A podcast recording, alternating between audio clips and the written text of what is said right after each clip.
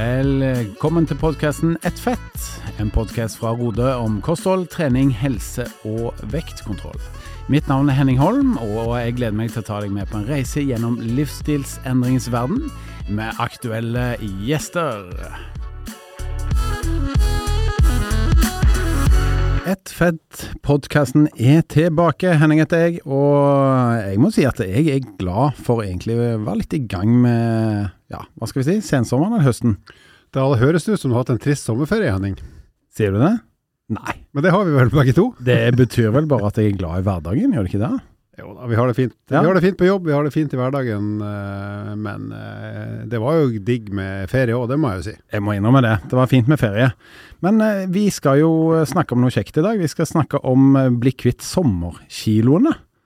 Men har du gått opp i ferien da, Halvor?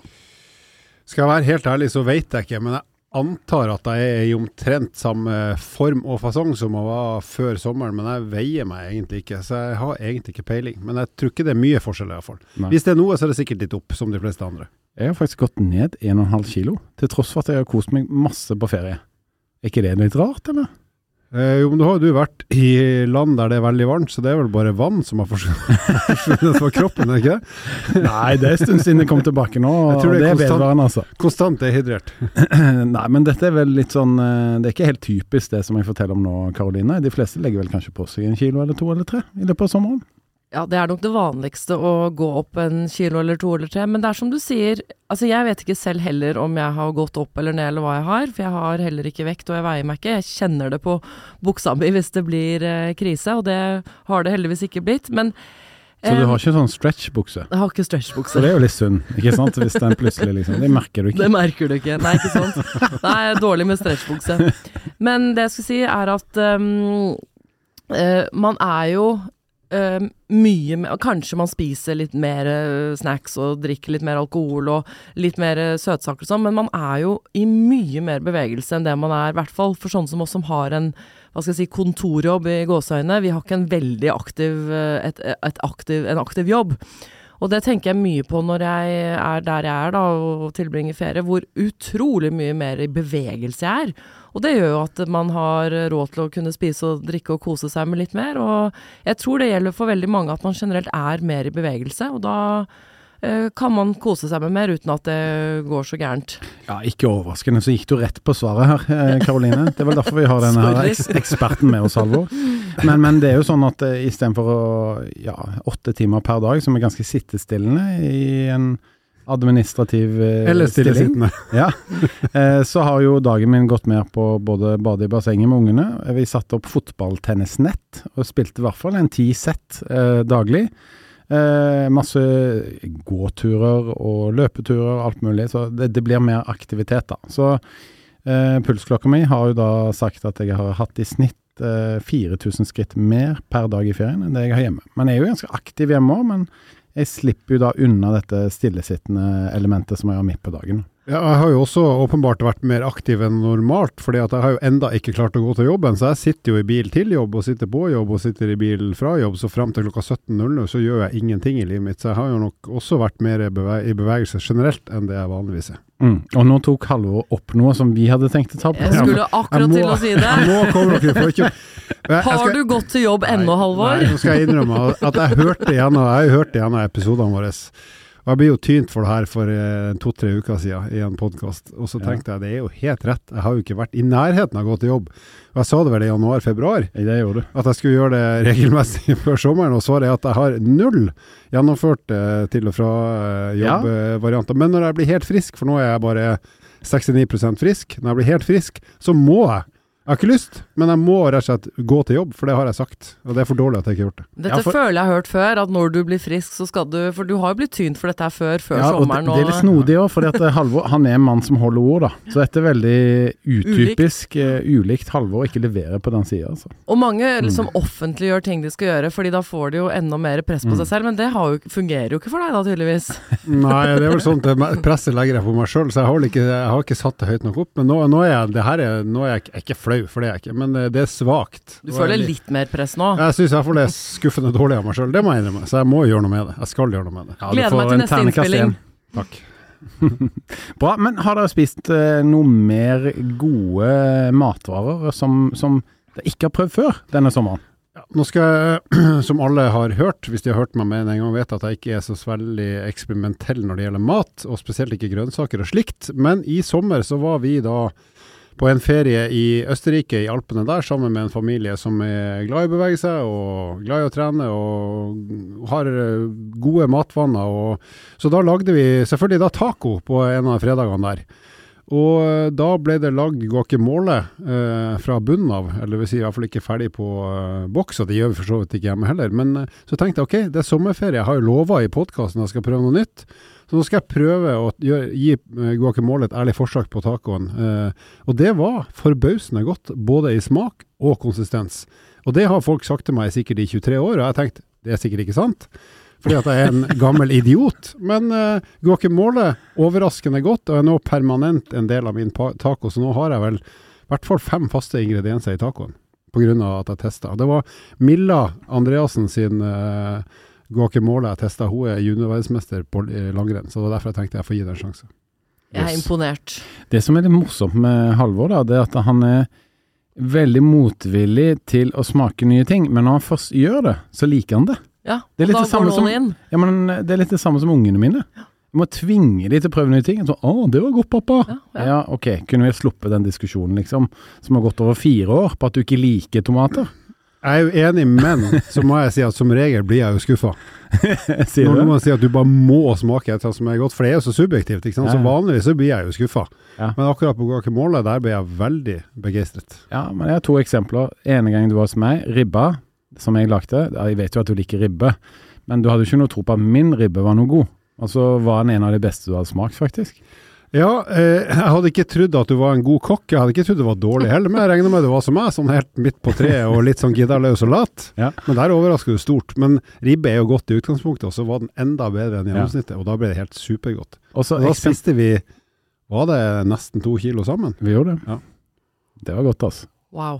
Og så eksempel to. Vi var på en hyttetur for uh, et par år siden. Og så sier du ja, hva skal vi ha, skal vi lage Grandisser til kveld? Så sier jeg nei, vi kjøper koteletter. Så tar vi peppersaus til. Eh, og vi spiste jo åtte koteletter der eller noe sånt, og skrev på bøker som det bare Ja. Eh.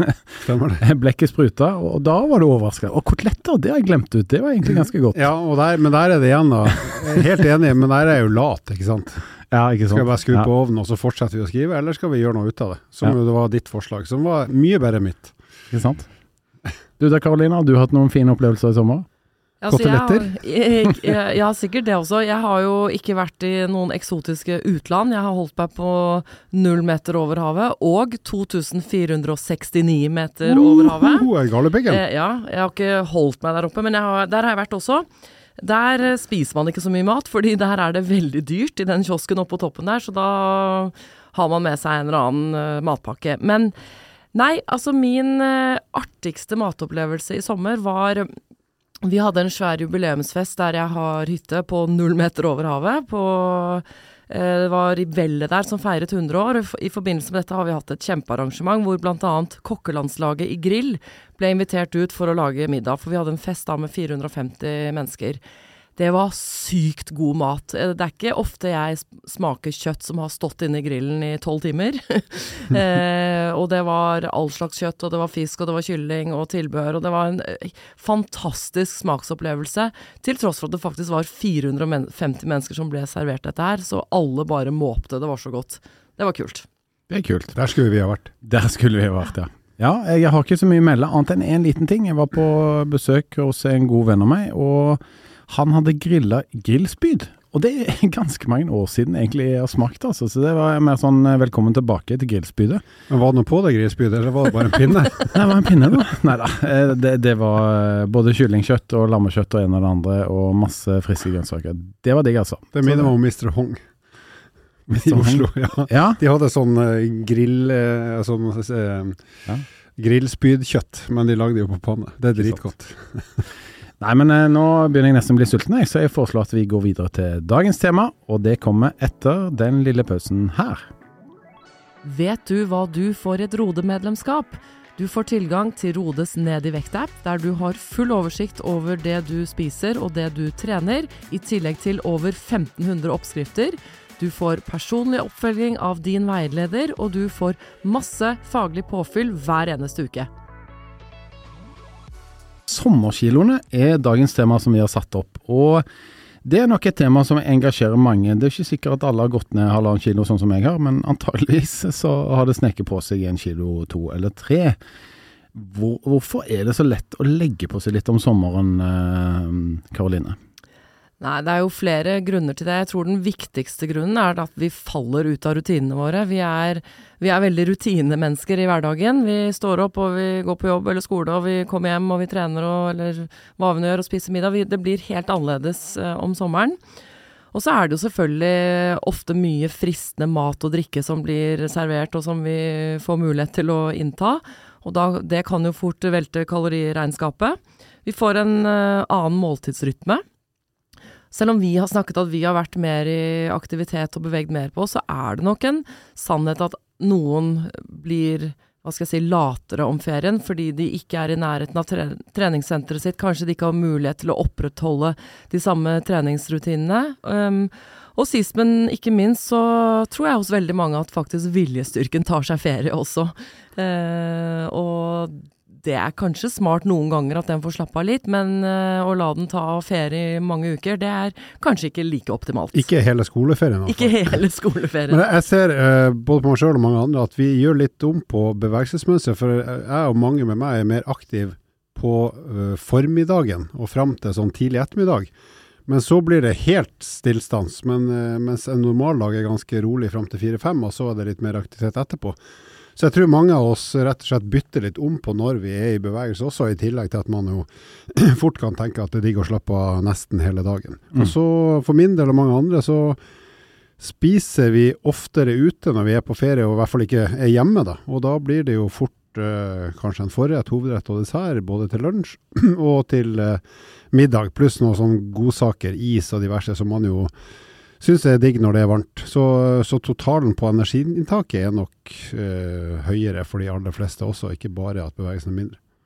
Ja, og det jeg skulle si med fysisk aktivitet, for, for da sånn som deg, Halvor, som er og du må trene, du er glad i å trene, så er det lett for deg å endre på rutinene. Men hvis man i utgangspunktet kanskje ikke er, syns trening er kjempegøy, så er det litt større terskel å skulle på en måte endre på hele treningsrutinen over sommeren, og da er det kanskje bare lett å bare ikke gidde det. Ikke sant. Og, og dette med miljø òg, tenker jeg, eh, for å supplere det dere snakker om nå, som er gode poenger som dere har nevnt, det har jo òg noe å si. Fordi at eh, jeg merker jo at eh, på ferie da, så er jo jeg den som er mest ivrig på å trene av de voksne, og så er jeg litt sånn slitsom personlig trener. Så når vi da reiste med et vennepar av oss på tur, så sier jeg liksom de andre ligger på solsiden, koser seg og drikker en Cola Light eller tar en kaffe. Så sier ja, hva skal vi trene i dag, da? Og da kikker de på meg og tenker mm, det er vel fornuftig å trene, men de har egentlig ikke lyst. Og så sier jeg, sier jeg da sånn halvveis overbevisende iallfall at ja, men greit, jeg skal lage 20 minutters eh, styrkeøkt til alle sammen. Da lagde jeg en sirkel hvor de løp litt i trappa, vi tok litt pushup, eh, fire lengder i bassenget. Altså, Hvor mange av ja. de tror du hadde lyst til å drukne deg i bassenget når du foreslo det? Nei, det er jo sånn, sånn som en, hvis du er en erfaren personlig trener, så vet du at uh, de du trener, de er ikke glad i deg før treningen. De er ikke glad i deg underveis i treningen, men de er veldig glad i deg etterpå. Du angrer jo ikke på at du har trent. Du kunne ha dødd av drukning før første økt? Ja ja, det kunne jeg. De var jo ikke glad i meg. Nei. Og da skal jeg nevne en uh, litt morsom historie der hvor jeg har hytte. Det er på en øy hvor det er en, altså stien rundt øya er 1,3 km, så det er ikke en veldig stor øy. Mm. Og her er det også masse mennesker som har ulike preferanser når det gjelder trening. Og så var det en en kar da, for fire-fem år siden som uh, tenkte at nei, nå må vi få til noe felles her, så han begynte å arrangere en, et halvmaraton der ute. Uh, og etter han gjorde det, så har jo flere og flere for hvert år begynt å løpe. Uh, fordi det er en felles greie. Og så i år var det all time high med, med deltakere som løp da helt sinnssykt mange runder rundt den øya. Ikke sant. Men så, da snakker vi rundetider, altså. For det må ha vært 50 1600? Ja, det er 1600 ish, ja. Der ser du hvor mye miljø har å si, da. Og jeg har egentlig, det jeg egentlig skulle fram til, det var at jeg har jo forståelse for at veldig mange ikke har en sånn type pådriver rundt seg, sånn som litt sånn plagsom i ferien som sier liksom vi må ut, vi må trene, vi må gå i trapper eller gå en fjelltur osv. Det er jo ikke alle som har det. og eh, Samtidig så er det gjerne òg et lite press for å kose seg. Nå har vi jo tross alt ferie, nå må du slappe av, ikke sant. Og da, da er det lett at eh, kaloriene tar litt overhånd, at det blir eh, flere måltider enn det man egentlig trenger, og litt ekstra dessert og litt ekstra godt å drikke. Og det jeg tenker Hvis man sitter her og tenker at uh, uff ja, det ble litt lite trening og jeg burde kanskje ikke ha spist så mye, så kan dette her forhåpentligvis være en litt sånn note to self at til neste år eller neste ferie så burde man ha en, et treningsopplegg klart før man går inn i ferie. Hvilke dager skal jeg trene, hva skal jeg trene? Og hva er typiske settinger hvor det kan gå litt uh, skeis når det gjelder kostholdet, hva skal jeg gjøre da? Være litt føre var, være litt forberedt, istedenfor å måtte tenke der og da når det skjer, for da er det veldig lett at man bare blir revet med av stemningen og vertinnen eller verten og i det hele tatt, så planlegge litt. Ja, for det gjelder jo nå gjerne å komme inn i gode rutiner igjen, sånn som du er inne på her. Og det er jo litt lettere sagt enn gjort, da. Er det ikke det, Halvor? I hvert fall i den overgangsfasen fra du har kommet hjem fra feriefri til du reelt sett er i gang med Mm. de gamle rutinene. For da er det vel ofte i hvert fall én, to, tre og kanskje til og med fire uker. Hvis du har unger, så har de fortsatt mye fri. Og så, i hvert fall i Norge, når vi kommer hjem på jobb i slutten av juli eller august, så er det jo ikke bånn gass fra start. Det må Mm. vi jo være ærlige nok til å si. Sånn at det blir jo en sånn halvveis unntakstilstand både inn i ferien på to-tre uker når man roer ned, eller i Sverige sier de 'valva ned, for det er så etablert at du skal gjøre lite før ferien. Og så må du skru deg opp igjen eh, i kanskje to-tre uker. Så, så det å kanskje prøve å være litt sånn smart med seg sjøl og tenke at det er noen ting jeg bare gjennomtar med en gang, og ikke bare surre av gårde så lenge jeg kan på minimum, det kan jo være lurt. Som f.eks. måltidsrytme, det å kanskje legge seg til relativt normal tid, uansett hva det er for noe. Da er du liksom i gang med to ting som, som gjør at alt det andre blir lettere i forhold til å fungere og, og kanskje bevege seg. Men, men de fleste av oss vi trenger jo litt tvang. Altså Det er jo sånn eh, Vi hadde Norway Cup her, og vi hadde en kamp klokka åtte om morgenen. Da må jeg stå opp. Jeg skulle på jobb her på mandag, eh, sist mandag, jeg skulle gå i gang igjen. Da må jeg stå opp halv syv-syv. Før det så tenkte jeg veldig mange ganger i ferien ja, jeg skal løpe tidlig i morgen. Jeg skal løpe en tur før frokost. Men jeg, stort sett så kommer jeg ikke opp, altså. Jeg vet jo at jeg har hele dagen å gjøre det på. Da kan jeg heller ligge i senga en halvtime eller en time ekstra. Og det er vel det som skjer for de fleste. For jeg har jo vært PT i mange år, og de som har trent bra gjennom sommeren, de er alltid ivrige på å komme seg på plass på trening, for de har lyst til å vise meg som PT. Da ser jeg jeg har holdt meg ganske bra gjennom sommeren. Men de som ikke har trent så mye, De vil gjerne vente litt de venter jo ofte til rundt 1. september. De vil liksom trene seg opp litt før de møter meg, da, som PT. Så det er snodig, dette her. Ja, nei, det er som sagt det der med at vi skrur oss gradvis tilbake igjen, men kanskje vi skulle tatt en liten sånn sjokkvariant og bare sagt at fra og med dag uh, om tre dager så er jeg i gang igjen med Mm. å legge meg til omtrent vanlig tid og ha et regulært måltidsmønster. Og så ser jeg at oi, nå har jeg egentlig ganske mye tid til overs, for at resten av de tingene som kommer på etter hvert, de er ikke der ennå. Så kanskje man skal bruke den tida til f.eks. mer bevegelse. Ja, ikke sant. Så hvis du møter en PT eller en rodeveileder eller kommer på liksom gruppekurs eller hva det er, det er best å egentlig bare komme i gang, tenker jeg. Ja, og det tenker jeg også. Samtidig er jeg også opptatt av at man ikke skal eh, gå for all in og gjøre endringer eh, på alle plan, for da er det Nå må veldig du slutte. da er det det blir sånn unnskyldning av det der. Nei, men da er det lett å gå på en smell. Ja, men hvis, Nå snakker vi om å komme tilbake igjen til det som sannsynligvis har fungert bra før sommeren. Det er Ja. ikke snakk om du skal endevende livet ditt, men hvis vi nå tar utgangspunkt i at det du har gjort før sommeren, har fungert bra i livet ditt, Mm. Så er det jo snakk om å begynne å gjøre det igjen så fort som mulig etter Yes, sommeren, og ikke yes. utsette det til 1.9., for da er det jo fort jul igjen. Og det jeg tenker også er et uh, viktig budskap, det er at ok, så har man kanskje gått opp én eller to eller kanskje tre kilo, som i utgangspunktet ikke er kjempemye. Og jeg vet at jeg tidligere har sagt at man har lett for å bli kvitt de når man kommer inn i hverdagen igjen, og det går stort sett bra for de fleste. Men så er det også viktig å ikke bagatellisere disse kiloene heller, fordi hvis du ikke blir kvitt de, si innen noen uker, da tar du med deg de inn mot julen, og så tar du med deg dem inn i påsken, og så har du de der til neste sommer òg. Og hvis da dette skjer hver sommer, så, så blir det flere og flere kilo etter hvert. Altså Vi legger ikke på oss, vi blir ikke overvektige over natta. Og det er dette her som gjør at, man, at personer blir overvektige. Altså fra en helt sånn et veldig generelt eksempel. La oss si du veier eh, 75 kilo som en 25-åring, og så legger du på deg 1 kilo hver sommer, da, og ikke går de av deg. Da veier du faktisk 95 kilo som en 45-åring. Ja, det, for det er jo gjerne sånn det er med vektøkning. Det sniker jo litt på. Ja. Eh, det er vel ingen som våkner opp eh, fra en dag til en annen og Shit, jeg er 110 kilo. Jeg var 74 i går. Altså, det, det er jo ikke sånn det funker. Da er det ko- da er det koma i så fall. og det er nettopp derfor det er så lett å bagatellisere. Ikke sant? Og tenke Ja. faen, jeg gikk opp en kilo i sommer, men det går fint, liksom. Ja, det, ja. Man, det syns ikke. Men ikke sant? man kan ikke fortsette å si det hver sommer. For Nei. da sitter man med et overvekstproblem. Ja, men hva, hva, hva, liksom, hva er de vanligste tabbene da folk gjør når de ønsker å gå ned i vekt eh, etter sommeren? Nei, det er jo det her med at du blir litt sånn irritert da, for at søren, nå gikk jeg opp 1, 2, 3 kilo, og så, men så tenker man ok, det skal jeg gjøre noe med, og det er jo i utgangspunktet lurt, men så kan det hende at man skal dra på litt for hardt igjen da. At man Mm. gjør mer enn det som har fungert før sommeren, istedenfor å tenke at la meg kopiere det som fungerte bra før sommeren og begynne der, og se om det får meg tilbake igjen i kall det null, null på nullpunktet, før jeg eventuelt vurderer andre tiltak som skal få meg ytterligere ned i vekt. Jeg ville tenkt at den klassiske overtenningstabben er jo den de fleste gjør, egentlig uansett når det gjelder vektreduksjon, at du gjør for mange endringer samtidig, litt sånn som du var inne på i stad, Karoline, og det går sjelden bra, for det har du på en måte aldri gjort før. Så det å kopiere noe som du vet fungerer, er jo i hvert fall mitt beste tips. Og Begynn i hvert fall med det før du gjør noe mer eller noe annet. Mm. Og det er jeg helt enig i, det var som jeg skulle sagt det selv, Halvor. Men, Bare en annen, men en annen ting er jo dette her å ikke ha en plan. Man må ha en plan for hvor man skal.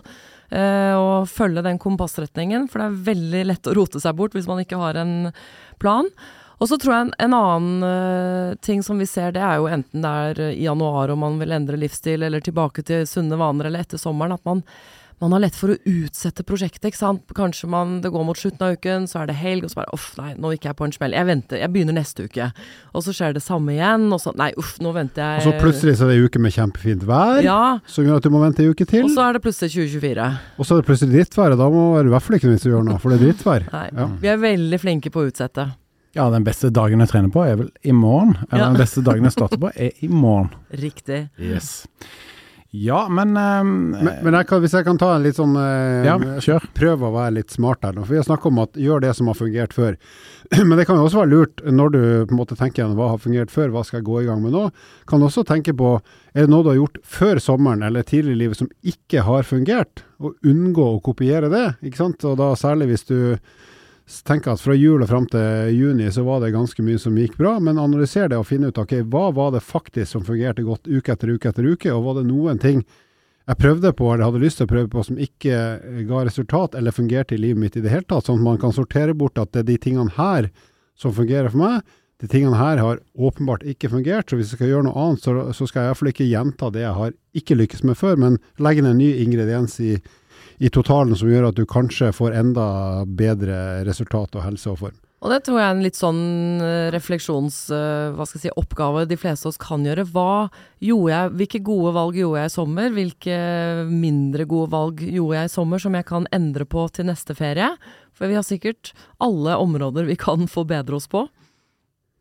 Ja, og nå er dere inne på eh, ganske mange sånne gode tips for hvordan jeg skal planlegge, skape nye rutiner, hva jeg kan lære av som jeg har gjort både bra og kanskje ikke så bra tidligere.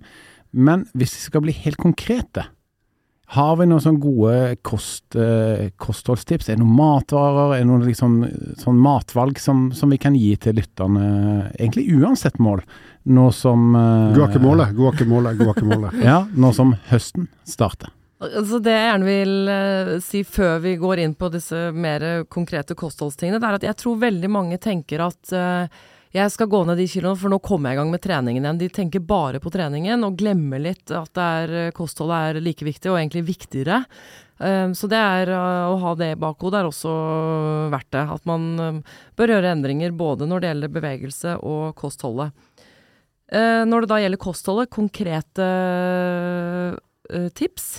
Altså et kjempegodt råd, vil jeg si, er jo det der å begynne å registrere maten sin i da vår Ned i vekt-app. Og få oversikt over inntaket. Fordi eh, nå må man da komme Sørge for at man ikke har kalorioverskudd, som man kanskje har hatt eh, tidvis gjennom sommeren. Hvis man må gå ned i vekt, så må man ha et kaloriunderskudd. Eller man må ligge i balanse. Og den beste måten å sjekke om man får til det på, er å registrere kostholdet. Enkelt og greit. Og Og da, er jo- og da ser du jo kjapt at oi, der var det en ingrediens eller en matvare eller et eller annet måltid som dro opp veldig, av en eller annen grunn. Ja, Mm. nettopp. Og så er det jo selvfølgelig å ha at mesteparten av maten man spiser er sunn mat, eh, plantebasert, eh, frukt, grønnsaker, fullkorn, ikke sant, og selvfølgelig innslag av fisk og melk og meieriprodukter og litt kjøtt og osv., men at man spiser Går tilbake til det sunne, vanlige kostholdet. Ja, jeg tenker, jo, jeg tenker jo at jeg ville begynt med både frokost og lunsj. For det er jo to, to typiske måltider som er ganske rutinebasert, i hvert fall fra mandag til fredag. Så liksom rydde opp i de måltidene først, da. Og så kan du heller ta liksom middagen og alt det som skjer på hjemmebane. Uh, enten du er alene eller er med partner eller har familie, men at det, jobb litt med det etterpå. Men kom i gang med frokost. Eh, lag deg den havregrøten med noen bær på. Kom i gang med måltidsrytmen. ja, og så eh, spis salat hver dag da, med et knekkebrød til, eller liksom. Kom i gang med de to. Det kan være kanskje et godt tips. Og så bli enig, sett en dato for når sommeren er ferdig. For når du sånn psykologisk sier at nå er sommeren ferdig, så er det også sånn at da må du være litt mer kritisk. At nei, tar man bare en sukkerbrus eller en is mm. for at det er varmt og godt. Og det skal man selvfølgelig fortsatt unne seg, men det inngår jo da også i totalen. Så hvis det er fint vær og sommer gjennom hele august og langt ut i september, og man kjører litt sommervane med litt sånn, kall det mellommåltid som egentlig bare kos, som også er veldig hyggelig, men da må vi justere litt på de andre måltidene for å få det til å gå i, i den totalen du ønsker. Da. Veldig godt poeng, for det er jo det samme med julen, at den kan jo ikke vare helt til påske. Hvis uh, man skal innta julemat så lenge, så Jo, men, men der, der må jeg si at der, der skjønner jo de fleste at nå er det 1. januar, og denne uka er ganske tung for mange. Men liksom, Nå er det mørkt og trist, og liksom festen, julefesten er over. Men Halvor har jo et poeng. Sommeren kan fint vare til langt ute i september, hvor jeg, jeg må ha et glass vin hver kveld. Det er jo så fint vær. Ikke sant? Eller vi må jo fortsatt grille, vi har jo 22 grader, ikke sant. Så, så det skillet er jo liksom litt mer gråsonen, gråsone, da. Ja, og jeg, og jeg er helt enig, og det jeg merker det spesielt på, er jo at jeg har nå Jeg har tre skolebarn som nå fortsatt er i ferie. Og det er ganske krevende at de har en helt annen rytme og måltidsrytme og ønsker og preferanser, mens jeg vil tilbake i hverdagen igjen, og strukturen den er ganske krevende. Så der må man tenke litt smart. Ja. Og så vil jeg si én ting til, at uh, nå er jo prisen på mat enda dyrere. Altså det er så dyrt nå at det er helt hinsides. Mm. Eh, så uavhengig av hva du spiser, så er det jo greit å tenke gjennom hva skal jeg spise, hvor mye skal jeg kjøpe, sånn at du kjøper inn matmengder som harmonerer med det du faktisk spiser, uansett hvor mye det måtte være. Mm. For nå er det dyrt å sløse med mat, altså. Så selv jeg som er en lurv har begynt å prøve å beregne bedre hvor mye skal jeg egentlig handle av melk, kjøtt, brød osv. til de to neste dagene, istedenfor å bare harve på med altfor mye hver gang. Ja, det er Mm. dyrt å være sunn, det er faktisk en realitet, og det er eh, litt krise. Ja, Det er synd at det skal være sånn. Hva, hva sier ernæringsfysiologen om disse tingene? Nei, Du må jo ha, er, eh, gjøre litt vondt i hjertet. Ja, det gjør kjempevondt i hjertet, for vi blir jo på en måte, mange måter tvunget til å ta et usunt valg. I hvert fall hvis man har en skjør økonomi, så er det tøft å få i seg, og vanskelig å få i seg fem om dagen. Og for ikke å snakke om at det nå går mot at vi skal ha i oss åtte om dagen. Det blir jo enda dyrere, og fisk er kjempedyrt. Og den maten vi generelt bør spise mer av, har blitt skikkelig dyr. Det er eh, ikke bra. Men når det er sagt, så finnes det heldigvis, eh, hvis man eh, titter rundt i grønnsaksdisken, så er det fortsatt gulrøtter og poteter og kål osv. som har ganske edruelige priser, så man må bare lete og kikke litt ekstra hardt. Mm. Og det er faktisk en del frukt også som ikke er så aller verst, eh, altså som Ja. gir en del volum som ikke er fryktelig dyr. Ja, det er jeg enig i. Altså, jeg bare for å liksom eh, holde litt på det vi snakker om her med, med disse matvareprisene eh, på tampen her, så Det som jeg har et ekstra hjertesukk på, det er laks. At, at det skal være så dyrt, for det er så sunt og godt. Og, Og så lages det i Norge. Ja, og til og med barna liker det. Veldig mange barn elsker jo laks, ikke sant. Så, så det, det syns jeg er veldig synd også. Jeg elsker jo salmalaks, det unge nå, men nå er det 450 kroner kiloen. Det er jo helt uh, uaktuelt. Ja, vi er nesten på indrefiletpriser, altså. Jeg liker selmalaks, jeg. Selmalaks. Ja. Hva er det Og for det noe? er Ja, ikke sant? Slå det opp. Veldig bra. Men vi kan ikke snakke om en, eh, en, eh, ja, et tema som blir kvitt sommerkiloene uten å snakke litt om praktisk om bevegelse òg, Halvor. Vi er jo eh, trenere begge to.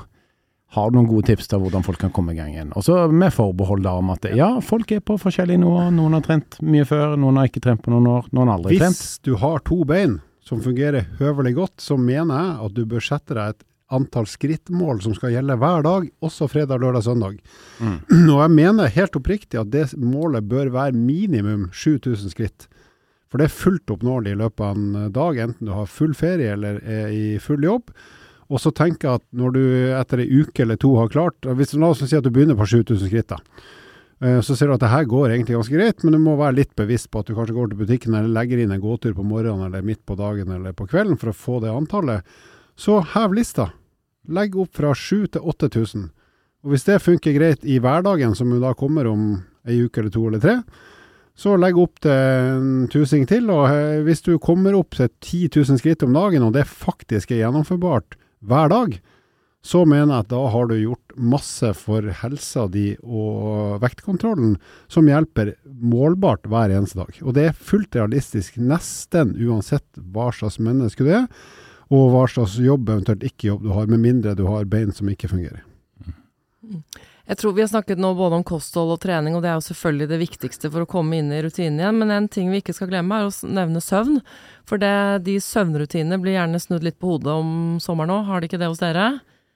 Jo, jeg legger meg nok litt senere enn vanlig, ja. Ikke sant? Mhm.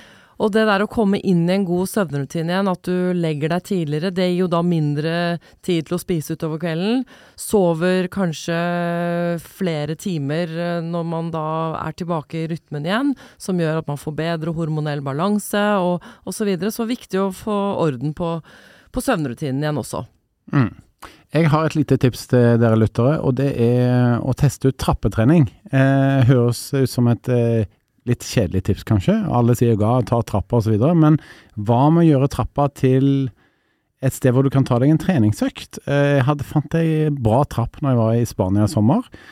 Og den lengste økta mi i trappa etter hvert, fordi at eh, jeg begynte med å løpe gjerne 15 ganger til toppen, og så ble det 25, og så ble det 50 ganger til toppen. Eh, jeg løp eh, 125 ganger til toppen på den lengste, lengste økta mi, og da holdt jeg på i 40 minutter med å løpe opp og ned trapper. Fantastisk type trening. Og så trenger du ikke være like gæren sånn som, sånn som jeg er, men i hvert fall da kom du opp den trappa fem ganger eller som, ti ganger. var det noen som så rart på deg? Ja ja, masse ja, Var det noen som prøvde å drukne deg òg etterpå, eller? var ikke det, men, men jeg er fascinert over trappetrening. Det er en veldig Kjempegøy. enkel måte å få pulsen på, og du trenger ikke løpe heller, sånn som jeg gjør. Du kan gå, og da får du opp pulsen. Da kan du finne en hoppbakke, f.eks. Det gjorde ikke du, da, men jeg var jo i et sted der eh, Ikke i Spania. Bischofshofen var vi i nærheten av, så der kunne jeg jo selvfølgelig ha gått opp en del trappetrinn. Jeg gjorde det ikke, men kunne gjort det. Neste Mm. år. Ikke Kanskje. sant? Ja.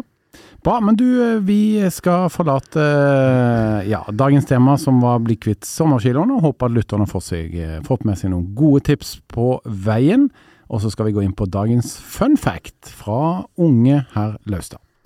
Yes, og den fun facten den skulle egentlig vært gjort i en episode som Karoline hadde ansvaret for, der, det, der du snakka med Maria, Mm. som har gått ned veldig mange kilo.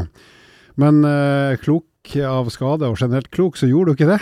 Jeg overlot den til deg. ja, så den kommer her nå. Den, den, den handler om rett og slett raping. Følte det passet deg bedre enn meg. Ja, det, jeg, jeg, tar, jeg tar den og jeg skjønner den. Eh, for det som er merkelig, det er at det går faktisk ikke an å rape i verdensrommet. Og det er få som kommer til å oppleve at det ikke går an, men, men det er faktisk ikke mulig. Som for meg er litt skuffende, for hvis jeg først hadde tatt turen dit, så hadde det vært gøy å kunne rapa litt. Men årsaken er at det er rett og slett ikke gravitasjon i rommet, og dermed kan ikke luft skilles fra væske. Så derfor blir det ikke noe trøkk i rapinga. Mm. Men mitt store spørsmål da, Henning, hva er det, tror du? Nei, det er vel kanskje noe annet som har med luft å gjøre. Ikke sant? For hvis det da ikke går an å rape, går det an å prompe? Oi. Og hvis det ikke går an å prompe, så må det jo være et megaproblem å være i rommet, og spesielt i den her romdrakten. Med mindre en- med mindre en har eksosrør eller noe sånt. Ikke sant? Men det må jo gå en på den internasjonale romstasjonen, så må det være mulig å gjøre dette her. På MIR, Ja, den russiske internasjonale romstasjonen MIR. Ja. Ja, kanskje. Ikke sant? Russisk promp, det går an. All right. Med det så avslutter vi dagens episode, og minner om at vi har en Facebook-side hvor du kan følge oss. Den heter Ett fett på Facebook. Takk for laget, folkens, og ha ei fin uke.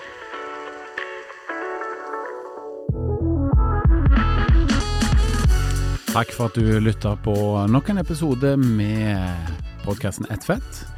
Dersom du er interessert i å lese mer om eh, livsstilsendring, gå inn på Rode-magasinet på rode.com. Vil du stille oss eh, spørsmål som vi kan diskutere i en episode, ikke vær redd for å sende inn på Facebook eller Instagram hos eh, Rode. Til neste gang, vi høres.